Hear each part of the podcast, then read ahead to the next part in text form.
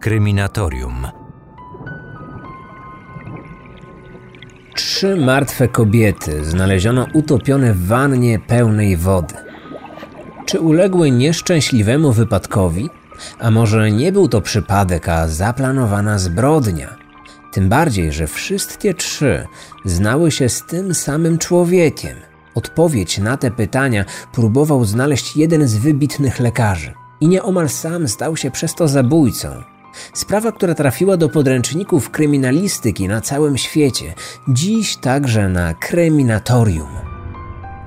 Tak, ta historia od dawna siedziała mi w głowie. Mogę nawet powiedzieć, że od tej sprawy w jakiś sposób zaczęła się moja przygoda z kryminalnymi publikacjami. Znacie książkę Stulecie detektywów Jurgena Torwalda? Jeżeli nie, no to powinniście ją poznać. Tę pozycję można nazwać e, Biblią kryminalistyki. Autor opisał tam najciekawsze śledztwa, które odmieniły bieg historii. Niezwykle ważna książka w tej kategorii. Czytałem ją wiele lat temu, jeszcze zanim zacząłem nagrywać filmy na YouTube i do dziś pamiętam, jak bardzo pochłonęły mnie te wszystkie historie. No co tu dużo mówić, dla osób zainteresowanych tematem pozycja obowiązkowa.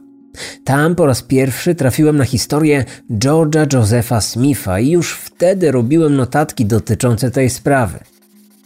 Nie wiem właściwie dlaczego, bo to był może jakiś 2013 rok. Nie miałem jeszcze wtedy w planach nagrywania filmów czy podcastów o zbrodniach, ale było w tej książce i w tej sprawie coś niezwykłego. Coś, co rozkręciło moją późniejszą pasję. Przez lata zapomniałem jednak o kulisach tego śledztwa opisanego w książce, aż odnalazłem na nowo ten tytuł jako audiobook w aplikacji BookBeat. I oczywiście ponownie zanurzyłem się w historiach opisanych przez rewelacyjnego Jurgena Torwalda. BookBeat jest dziś partnerem naszego odcinka i mamy dla Was specjalny kod promocyjny. Dla wszystkich nowych słuchaczy, którzy zarejestrują się z hasłem Kryminatorium 30 dni słuchania za darmo. Tym samym będziecie mieć dostęp do wszystkich audiobooków i e-booków dostępnych w ofercie BookBeat. Jedyne co trzeba zrobić to założyć konto na www.bookbit.pl ukośnik kryminatorium z kodem kryminatorium, potem pobrać aplikację i już. Aplikacja jest intuicyjna, wprowadzono też kilka fajnych rozwiązań w ostatnim czasie. Między innymi można oceniać lektora danej książki. No to jest bardzo przydatne.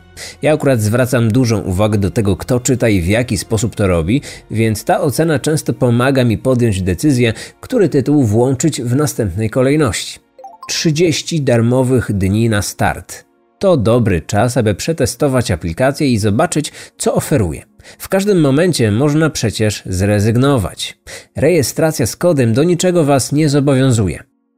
Szczegóły dotyczące rejestracji w BookBeat dodaję w opisie tego odcinka. Tam zamieszczam też dedykowany link z kodem Kryminatorium. A gdy już aplikacja trafi na Wasz telefon, to oczywiście zachęcam, abyście rozpoczęli swoją przygodę z audioksiążkami właśnie od pozycji Stulecie Detektywów. Ale uwaga, nastawcie się na długie słuchanie. W końcu to niczym Biblia kryminalistyki. Audiobook trwa 26 godzin. 26 godzin o kryminalnych historiach, które odmieniły oblicza kryminalistyki. A teraz przechodzimy już do historii opracowanej m.in. na podstawie audiobooka Stulecie detektywów. Kryminatorium. Otwieramy akta tajemnic. W pierwszych dniach roku 1915 do jednego z londyńskich komisariatów policji dotarła przesyłka z centrali Scotland Yardu. Oprócz standardowych raportów, wielkie pudło zawierało zgłoszenia od zwykłych mieszkańców. Ludzie posiadający informacje o popełnionych przestępstwach lub podejrzenia o ich dokonaniu zwykle wysyłali anonimowe listy do centrali. Scotland Yard zbierał je wszystkie razem, a później rozsyłał do policyjnych posterunków w odpowiedniej dzielnicy. Był już późny wieczór, gdy taką właśnie przesyłkę postanowił otworzyć inspektor Arthur Neal. Doświadczony detektyw chciał jedynie pobieżnie przejrzeć otrzymane papiery, a potem pójść w końcu do domu. Pomimo zmęczenia, kartkował zawartość, czytając jedynie te pogrubione nagłówki dokumentów. Donos o kradzieży, informacja o pobiciu, raport o napadzie, oskarżenie o sutenerstwo. Nic szczególnego, no nic z czym inspektor nie miałby do czynienia na co dzień. W tamtym czasie Londyn należał do jednego z najniebezpieczniejszych miast Europy, więc pracy miejscowej policji nigdy nie brakowało. A to pudło ze Scotland Yardu oznaczało tylko, że detektywowi pracy jeszcze przybędzie. Jak nie trudno zgadnąć, Neil nie był z tego powodu szczęśliwy. Wrzucając stos dokumentów z powrotem do pudła, nagle zobaczył swoje nazwisko z dopiskiem, że informacja zawarta w treści przeznaczona jest bezpośrednio dla niego. Tego się nie spodziewał. Tym bardziej, że wielki nagłówek, podejrzane przypadki śmierci, nie pozostawiał żadnych złudzeń. Do dokumentu dołączone były kopie dwóch artykułów prasowych. Pierwszy z nich informował o nagłej śmierci Margaret Lloyd, do której doszło 18 grudnia 1914 roku w wynajętym pokoju jednego z londyńskich pensjonatów. Fragment tego artykułu został zacytowany w książce i w audiobooku Stulecie detektywów. Podczas śledztwa koronera przebadano dziś smutne okoliczności, jakie spowodowały śmierć 38-letniej kobiety. Mąż denatki oświadczył, że dopiero co wzięli ślub. Po przybyciu do Londynu żona skarżyła się na bóle głowy. Zaprowadził ją więc do lekarza. Następnego dnia kobieta poczuła się lepiej, była w dobrym humorze i zamówiła sobie kąpiel. Mąż w tym czasie udał się na spacer. Gdy pan Lloyd wrócił do pokoju, nie zastał w nim żony.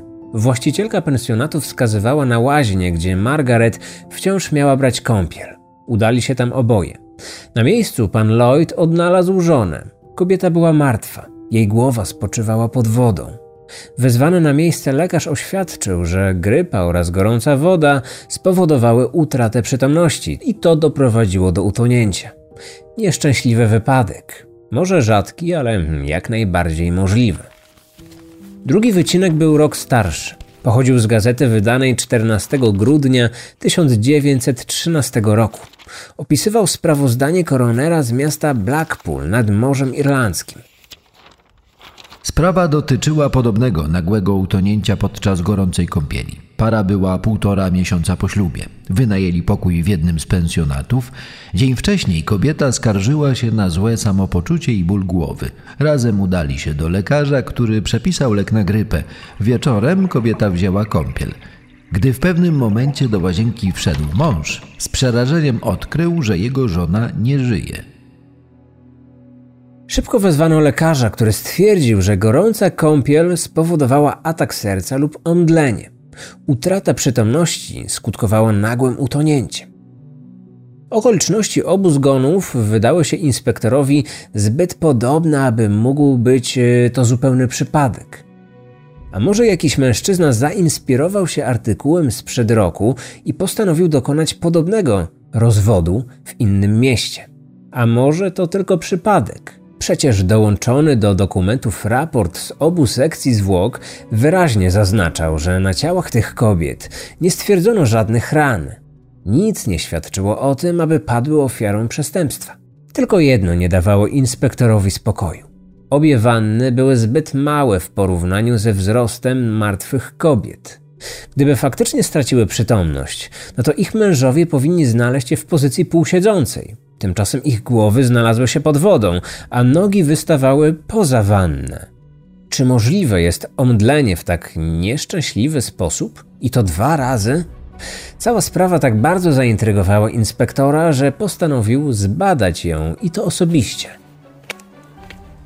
Następnego dnia udał się do pensjonatu wspomnianego w pierwszym wycinku prasowym. Od właścicielki dowiedział się, że 17 grudnia przybył z żoną niejaki George Lloyd. Był dobrze po czterdziestce. Średniego wzrostu. Był dość chudy, ale muskularny. Twarz miał pospolitą, a spojrzenie bystre. Gospodyni zapamiętała, że zanim wynajął pokój, zapytał o dostęp do łazienki, którą dokładnie obejrzał. Dopiero gdy uznał, że jest ona odpowiednia dla jego żony, podpisał umowę najmu. Po śmierci swojej małżonki bardzo szybko załatwiał wszelkie formalności pogrzebowe. Dopiero wtedy się wyprowadził. Dokąd wyjechał? Tego właścicielka pensjonatu już nie wiedziała. Inspektor Neil najpierw dokładnie obejrzał wannę w łazience. Jej dno miało 125 cm długości, góra 165 cm. W dalszym ciągu nie rozumiał, jak to możliwe, że w tak niewielkiej wannie mogła się utopić dorosła kobieta. Następnie odwiedził lekarza, który widział zwłoki Margaret Lloyd. Od niego dowiedział się, że to właśnie on dzień wcześniej przepisał zmarłej leki na grypę. Lekarz nie miał wątpliwości co do przyczyny śmierci. Utonięcie nastąpiło po tym, jak kobieta zasłabła. Na jej ustach zauważył białą pianę. Inspektor zapytał go wtedy o jakiekolwiek ślady walki na ciele. Zdaniem doktora nie było absolutnie żadnych śladów użycia przemocy. Sekcja zwłok nie wykazała obecności trucizny w ciele. Nie doszło do morderstwa. Zgon był skutkiem nieszczęśliwego wypadku. Zeznanie lekarza nie rozwiało wątpliwości dociekliwego inspektora. Po powrocie na komisariat Neil zebrał grupę śledczą złożoną z kilku policjantów. Nakazał im pozyskanie wszelkich możliwych informacji na temat George'a Lloyda.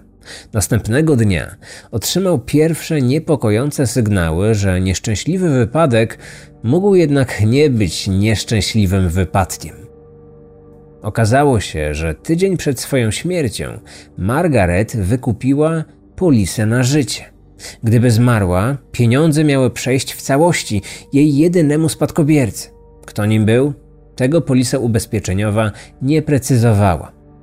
Odpowiedź na to pytanie inspektor znalazł w testamencie kobiety. Dokument sporządzony został w dzień śmierci, a dokładnie niecałe trzy godziny przed zgonem i jako jedynego spadkobiercy kobiety ustanawiał jej męża. Dalsze śledztwo wykazało, że kilka dni po śmierci żony George zjawił się w londyńskiej kancelarii adwokackiej, której powierzył zajęcie się wspomnianym testamentem. Dwa dni później z inspektorem skontaktował się lekarz. Ubezpieczyciel wymagał od niego zaświadczenia, że zgon Margaret był wyłącznie wypadkiem. Dopiero wtedy pieniądze mogły być wypłacone nieszczęśliwemu wdowcowi. Neil poprosił lekarza o niewielkie opóźnienie w wysłaniu tej odpowiedzi. Był coraz bardziej przekonany, że doszło do zabójstwa, że motywem było przejęcie spadku po zmarłej pani Lloyd i że mordercą był pan Lloyd. Moment wypłaty pieniędzy mężowi w siedzibie firmy ubezpieczeniowej byłby dla nas doskonałą okazją do jego aresztowania. Jednak potrzebowałem jeszcze kilku dni. Najpierw chciałem sprawdzić, czy nasz podejrzany przypadkiem nie odpowiada za niemal identyczny wypadek sprzed roku w zupełnie innym mieście. Raport z tego własnego śledztwa inspektor przesłał do Wydziału Kryminalnej Policji w Blackpool. Dołączył do niego otrzymany wycinek z gazety. W specjalnym liście poprosił tamtejszych policjantów o wszelkie informacje na temat opisanego w prasie nieszczęśliwego utonięcia kobiet w trakcie kąpieli. Kilka dni później otrzymał odpowiedź. Szczegóły tamtej sprawy wydawały się być niemal identyczne z przypadkiem londyńskim. Choroba żony, wizyta u lekarza, zasłabnięcie w wannie wypełnionej gorącą wodą, następnie utonięcie i pojawienie się na miejscu lekarza, który stwierdził nieszczęśliwy wypadek. Tylko jedno różniło te dwie sprawy. Imię i nazwisko pogrążonego w rozpaczy wdowca. Ten z Blackpool nazywał się George Joseph Smith. Inspektor był już wtedy pewny, że pan Lloyd i pan Smith to ta sama osoba. O swoich wnioskach poinformował szefa prokuratury. Poprosił także o wystawienie nakazu aresztowania tego mężczyzny. Prokurator uznał, że jest wysoce nieprawdopodobne, aby ktokolwiek zamordował we wannie swoje dwie żony w celu przejęcia ich majątku, w dodatku według tak identycznego schematu. Pomimo swoich wątpliwości dał jednak inspektorowi wolną rękę w dalszym śledztwie. Wystawił też nakaz aresztowania.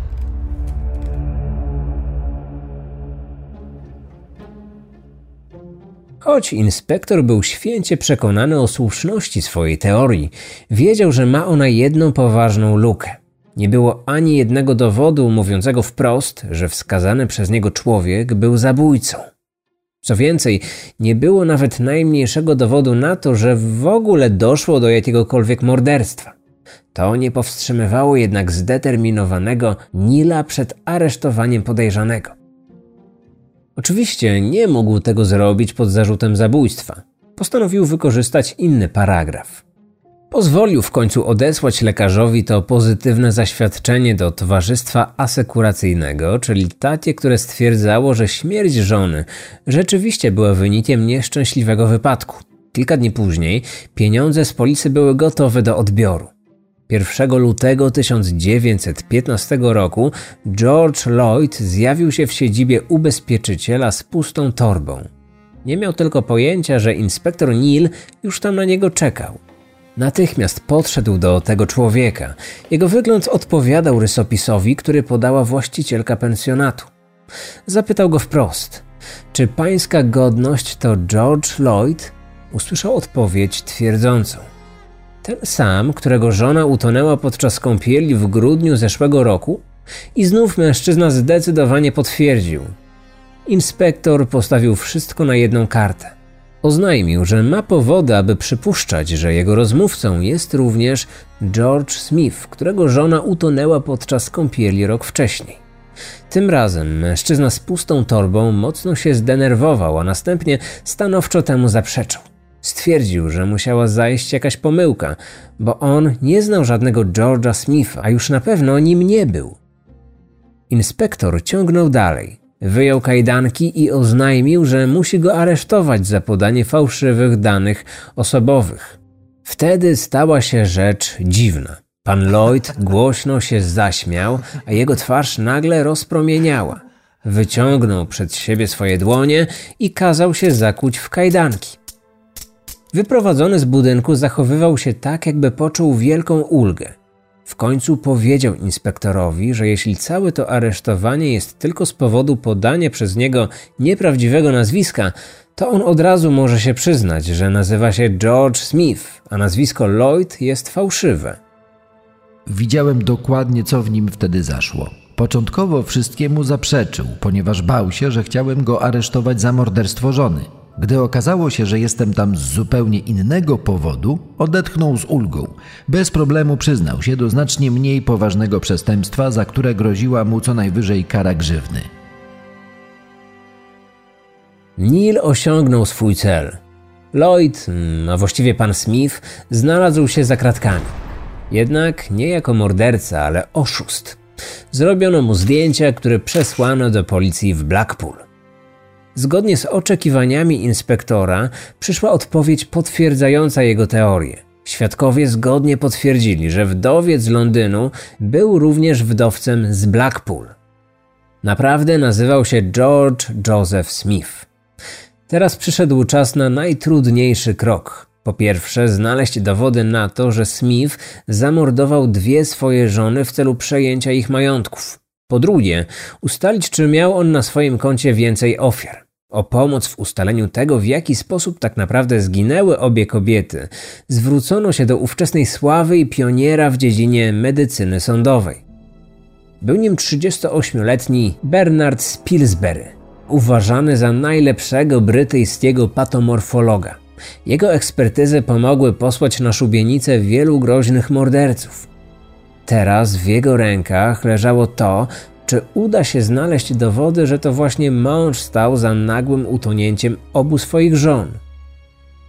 Patolog od razu zabrał się do pracy. Tymczasem inspektor postanowił ustalić, czy pan Smith nie ma przypadkiem na swoim sumieniu więcej podobnych nieszczęśliwych wypadków.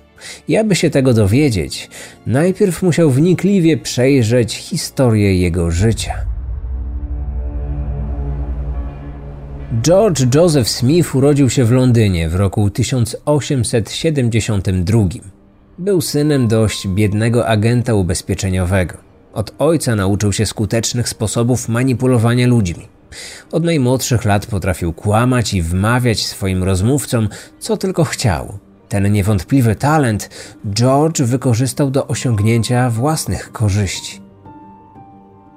Gdy miał zaledwie kilkanaście lat, miał już na swoim koncie liczne kradzieże, oszustwa i wyłudzenie. Gdy za swoje przewinienia trafił w końcu do poprawczaka, jego matka miała powiedzieć o nim, że wcześniej czy później jej syn marnie skończy. Po wyjściu z poprawczaka George nie zmienił się. Za kradzież roweru sąd skazał go na pół roku ciężkich prac społecznych. Kiedy kara dobiegła końca, wiedział już, że kradzieże są dość ryzykownym sposobem na życie. Za znacznie bezpieczniejsze uznał przekonywanie ludzi, żeby sami oddali mu to, czego chciał. A najbardziej pragnął pieniędzy, których jego rodzina tak naprawdę nigdy nie miała. Z doświadczenia wiedział, że łatwiej udawało mu się manipulować kobietami niż mężczyznami. I to właśnie w przedstawicielkach płci pięknej zwietrzył swoją szansę. Szybko zauważył, że dużo naiwniejsze są kobiety, które były w nim zakochane, a on już wiedział najlepiej, jak je w sobie rozkochać. Potrafił być czarujący, wygadany, zabawny. Bez problemu mówił swoim kochankom to, co chciały usłyszeć. W zamian spełniały każde jego polecenie. Kiedy poznał młodą służącą z bogatego domu, szybko namówił ją do okradania swoich pracodawców. Zanim został za to aresztowany i skazany na rok więzienia, udało mu się ukryć wszystkie zarobione w ten sposób pieniądze. Po wyjściu na wolność kupił niewielką piekarnię. Nie przynosiła ona zysku, ale dzięki niej mógł się przedstawiać jako zamożny londyński przedsiębiorca szukający żony. Najlepiej pochodzącej z dobrego domu, czyli posiadającej większy lub mniejszy majątek. I pierwszą jego żoną została 18-letnia Karolin. Kobieta myślała, że wychodzi za mąż za człowieka o nazwisku Love. Tuż po ślubie bogactwo kobiety okazało się jedynie mistyfikacją. Podobnie jak zapewnienia George'a o ogromnych zyskach, jakie przynosiła jego piekarnia. Jednak zakochana kobieta nie zamierzała porzucać swojego męża oszusta. Co więcej, została jego wspólniczką. Zatrudniła się w bogatym domu jako służąca. Stamtąd kradła wartościowe rzeczy, głównie złoto i srebro. Później oboje zastawiali te przedmioty w londyńskich lombardach. Policja trafiła na ich ślad. George uciekł. Karolin została aresztowana i wysłana na rok do więzienia. Po wyjściu na wolność postanowiła się zemścić na mężu, który zamiast solidarnie z nią przyznać się do winy, wszystkiego się wyparł i dał nogę. Gdy kilka tygodni później przypadkowo spotkała go na ulicy, zawiadomiła policję. Jej zeznania pogrążyły George'a i tym razem trafił za kratki. Dwa lata w celi za zmuszanie swojej żony do kradzieży. Wyszedł z zamiarem znalezienia sobie nowej małżonki. To, że już miał jedną, zupełnie go nie obchodziło. Zresztą i tak figurował w Urzędzie Stanu Cywilnego pod fałszywym nazwiskiem. Edith poznał w roku 1908. Bardzo przypadli sobie do gustu. Po miesiącu znajomości wzięli ślub. Ona nieświadomie popełniła w ten sposób bigamię. On z pełną premedytacją poligamię. Obie te rzeczy były w Wielkiej Brytanii przestępstwem. Nowe małżeństwo nie zmieniło planów George'a na łatwy zarobek kosztem innych niewiast. Tym razem jednak, nauczony przykrym doświadczeniem, postanowił trzymać je w tajemnicy przed własną żoną. Wciąż znikał z domu na kilka tygodni. Oficjalnie jeździł po kraju w interesach. Tak przynajmniej myślała kobieta. Nie miała zielonego pojęcia, że jej ukochany George przemierza Anglię w poszukiwaniu kolejnych żon, które może oskubać. Jednak zawsze wracał do domu. Najczęściej ze sporymi pieniędzmi, za które para nie tylko wygodnie żyła, ale także inwestowała w małe biznesy, takie jak lombardy i antykwariaty. Kobieta cieszyła się z tych nielicznych dni, które George spędzał z nią w ich domu. Nie zadawała pytań.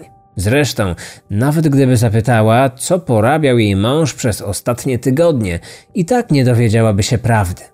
Nie usłyszałaby historii o małżeństwie z Florence, którą jako Charles James porzucił dwa dni po ślubie i zniknął, zabierając ze sobą wszystkie jej oszczędności. Nie poznałaby również historii małżeństwa z Sarą, którą jako George Oliver okradł podczas ich wspólnej ślubnej podróży. Do domu wrócił z kompletem złotej biżuterii oraz kwotą 350 funtów, czyli na nasze czasy nieco ponad 30 tysięcy funtów. Czy Edith tak bardzo ufała George'owi, że nie wnikała, jakie dokładnie interesy robił jej mąż? A może prezenty, które jej przywoził, skutecznie tłumiły jej ciekawość? To pytanie wciąż pozostaje otwarte.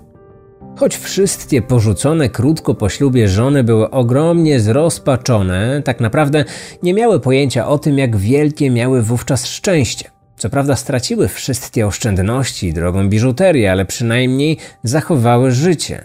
Kolejne żony George'a Smitha tyle szczęścia już nie miały. Nie mogąc zdobyć ich pieniędzy w trakcie trwającego małżeństwa, pan Smith postanowił wykorzystać fakt, że jako wdowiec stawał się ich jedynym spadkobiercą. A że wypadki się zdarzały, miał pewność, że nikt nigdy nie odkryje jego sekretu. Inspektor Neil znał już niemal cały życiorys podejrzanego, ale wciąż nie miał dowodów na to, że jest on zabójcą swoich dwóch żon. Liczył, że zdobędzie je ten słynny patolog. Czy możliwy był udział osoby trzeciej? I to w taki sposób, aby na ciele zmarłych żon nie pozostawić absolutnie żadnych śladów przemocy. Postanowiono to sprawdzić wszystkimi dostępnymi narzędziami. Musimy pamiętać, że 100 lat temu nie dysponowano specjalistycznym sprzętem i badaniami DNA, więc śledczy stanęli przed naprawdę trudnym zadaniem. Postanowiono dokonać ekshumacji ciał i przeprowadzić sekcję zwłok. Liczono, że da ona odpowiedź na pytanie, które nurtowało śledczych. Czy były to tylko wypadki, jak twierdził aresztowany Smith, czy jednak drobiazgowo zaplanowane zabójstwa? Patolog zbadał zwłoki nieszczęśliwej ofiary. Centymetr po centymetrze szukał na jej ciele jakichkolwiek oznak przemocy. Odkrył jedynie dwa niewielkie zadrapania na tylnej stronie lewego ramienia. Były one niewidoczne gołym okiem i nie mogły stanowić dowodu na udział w śmierci osoby trzeciej. Lekarz szukał również jakiegokolwiek symptomu choroby serca, która mogłaby wyjaśnić tę nagłą niewydolność krążenia w trakcie kąpieli. Niestety nadaremnie. Sekcja zwłok drugiej zmarłej żony przyniosła podobne wnioski. Lekarz odkrył jedynie, że wtedy, gdy głowy kobiet znalazły się pod wodą, te wciąż żyły i oddychały. Dodatkowo wykluczył fakt, że dziwne ułożenie ciał w wannach było wynikiem padaczki. Według patologa żadna przypadłość czy atak choroby nie mogły sprawić, że tułów i głowa ofiary znalazły się pod wodą, a nogi poza wanną. Zagadka ich śmierci stawała się zatem coraz bardziej tajemnicza. Przeprowadzone badania nie umknęły uwadze dziennikarzy pracujących dla brytyjskich tabloidów. Pojawiła się seria sensacyjnych artykułów, e, które nazywały całą sprawę morderstwami panien młodych w wannie. Jeden z takich tekstów trafił w ręce szefa policji z małego kąpieliska morskiego w hrabstwie Kent i od razu opisywany przypadek wydał mu się znajomy. Swój raport z przeprowadzonego 2,5 roku wcześniej śledztwa wysłał pocztą do inspektora Nila. Ten dokument zacytował autor książki Stulecie detektywów. Oto ten fragment. 20 maja 1912 pewien człowiek wynajął dla siebie i żony domek jednorodzinny.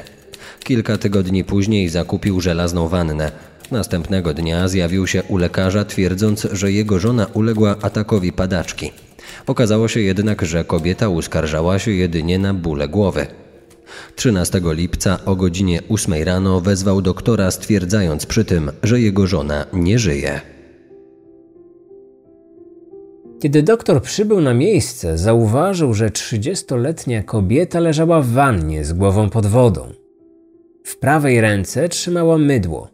Nogi miała wyprostowane, a jej stopy wystawały z wody nad brzegiem wanny.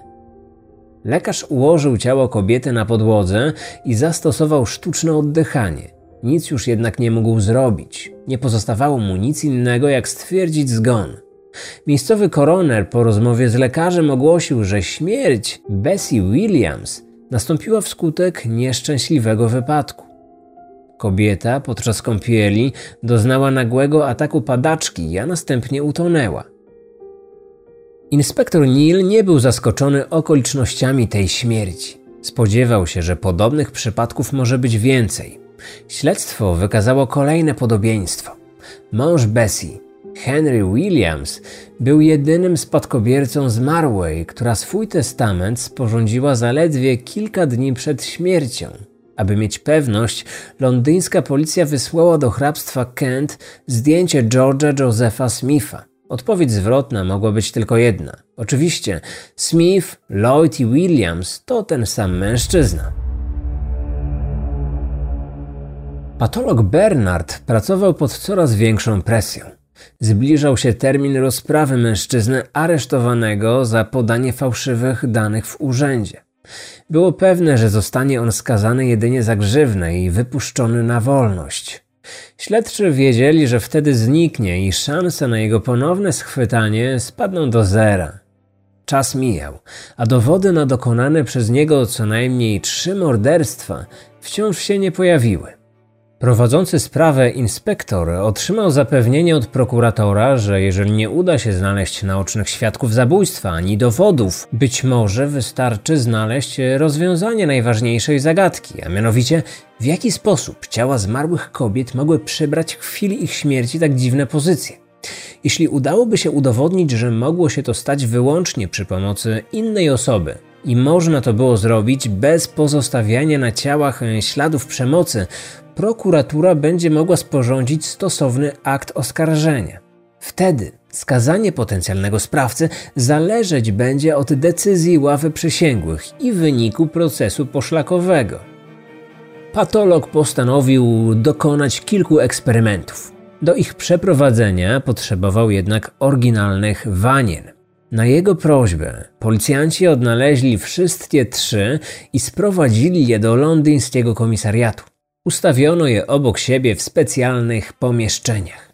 Wypełniono wodą w trzech czwartych ich zawartości. Potrzeba jeszcze było kilku ochotniczek o wzroście i wadze zbliżonych do ofiar.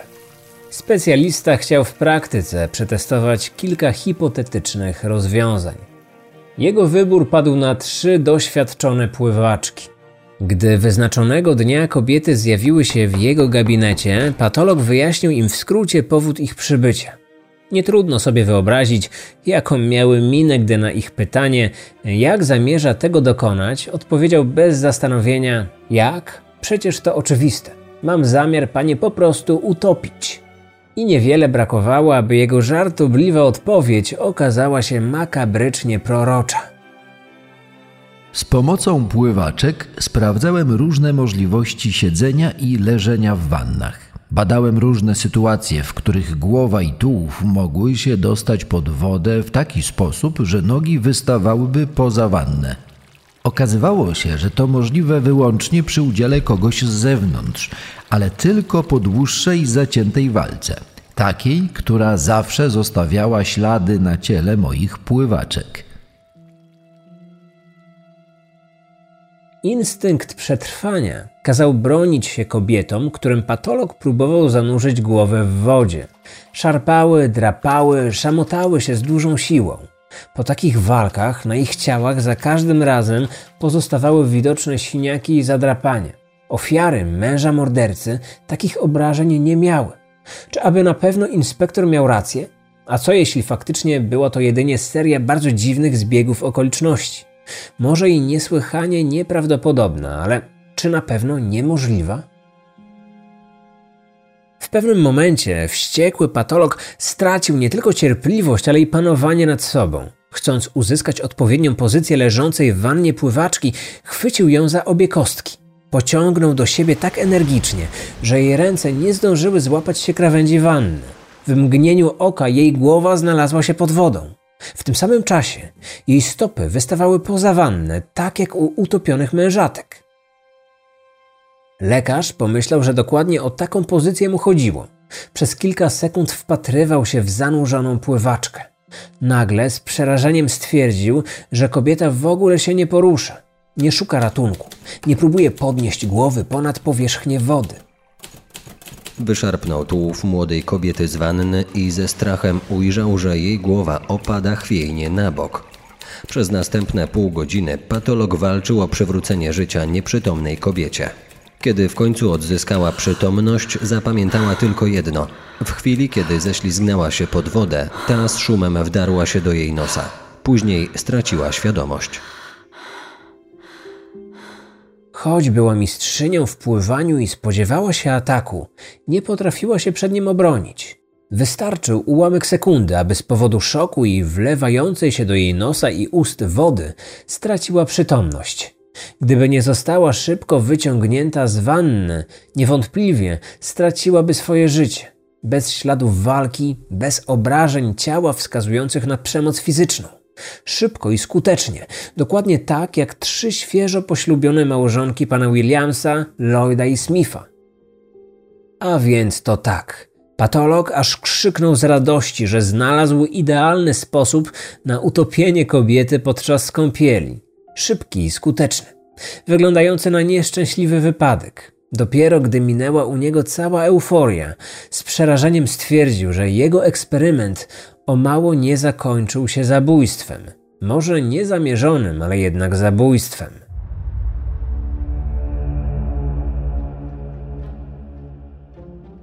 Dwudziestego 22 czerwca 1915 roku George Joseph Smith stanął przed sądem.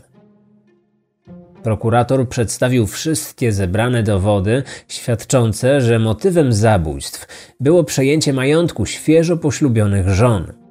Choć nie było bezpośrednich dowodów na dokonanie przez niego wszystkich zbrodni, wezwany na świadka patolog sądowy opisał przeprowadzony przez siebie eksperyment. Przekonał on ławę przysięgłych, że możliwe było utopienie wszystkich kobiet bez pozostawienia na ich ciele śladów walki i przemocy. Pierwotnie prokurator próbował namówić lekarza na powtórzenie swojego eksperymentu z udziałem pływaczek, ale patolog nie chciał się na to zgodzić. Jedna próba niezamierzonego zabójstwa stanowczo mu wystarczała. Członkowie ławy przysięgłych uwierzyli w to, co usłyszeli na sali sądowej od oskarżycieli. W ósmym dniu procesu po zaledwie 20 minutach narady uznali George'a Josepha Smitha winnym dokonania trzech zabójstw z premedytacją. Sędzia przewodniczący rozprawie skazał go na karę śmierci przez powieszenie. Oczekując w celi na śmierć, na wykonanie wyroku, Smith trzymał się dzielnie, ale ostatniego dnia był niespokojny. Nie chciał jeść, odmówił przyjęcia ostatniej szklaneczki brandy. Kiedy 13 sierpnia 1915 roku wybiła godzina ósma, do jego celi wszedł kat. Pchnąłem drzwi i zobaczyłem, że skazaniec stał tyłem do mnie z rękoma za plecami. Wzdrygnął się lekko, kiedy chwyciłem go za lewy nadgarstek i założyłem pasek. Nie próbował jednak się wyrywać, nawet się nie poruszył. Związałem mu obie ręce i rozsunąłem koszulę pod szyją. I gdy skazaniec znalazł się tuż przy zapadni, zdążył jeszcze krzyknąć, że jest niewinny. Ale nikt nie przejął się tym wyznaniem. Wiele razy słyszeli takie zapewnienia, gdy Kat zakładał biały kaptur na głowę zbrodniarzy. Zresztą to nie do nich należała ocena prawdziwości tych słów. Wyrok to wyrok. Oni mieli tylko dopilnować jego realizacji. Dokładnie 46 sekund po wejściu kata do celi śmierci, zabójca swoich żon runął w dół, a naprężona lina stała się ostatnim aktem tej nieprawdopodobnej historii. Jeszcze przez długie miesiące w całej Wielkiej Brytanii dyskutowano o tej sprawie. Jedni zwracali uwagę, że nigdy nie udało się znaleźć niepodważalnych dowodów na to, że ten stracony mężczyzna był zabójcą. Często przy tym podkreślano, że został on powieszony nie dlatego, że faktycznie zabił, ale jedynie dlatego, że ktoś inny twierdził, że mógł to zrobić. Inni byli święcie przekonani o jego winie, przekonując, że dostał to, na co zasłużył. Przy zastosowaniu obecnych technik kryminalistycznych łatwiej byłoby dowieść, która strona miała wtedy rację. Jednak 100 lat temu takich możliwości niestety nie było. I co? Musicie mi chyba przyznać rację, że to jest bardzo ciekawa historia, która pewnie na długo zapadnie w waszej pamięci. Teraz wiecie już, czego należy się spodziewać po audiobooku Stulecie Detektywów. Tam znajdziecie wiele podobnych opisów śledztw. Zachęcam do sprawdzenia tej pozycji na BookBeat. Dla wszystkich nowych użytkowników 30 dni za darmo na start z kodem Kryminatorium. Dedykowany link i szczegóły dotyczące rejestracji w tym serwisie zamieszczam w opisie odcinka. Do usłyszenia w nadchodzący poniedziałek i życzę Wam mocnych wrażeń z aplikacją BookBeat. Odcinek powstał na podstawie książek Jurgena Torwalda, Johna Ellisa i Jane Robbins. Wykorzystano również artykuł opublikowany na portalu dziennika Daily Mail oraz sprawozdanie z procesu sporządzone pod redakcją doktora Roberta Moulsa.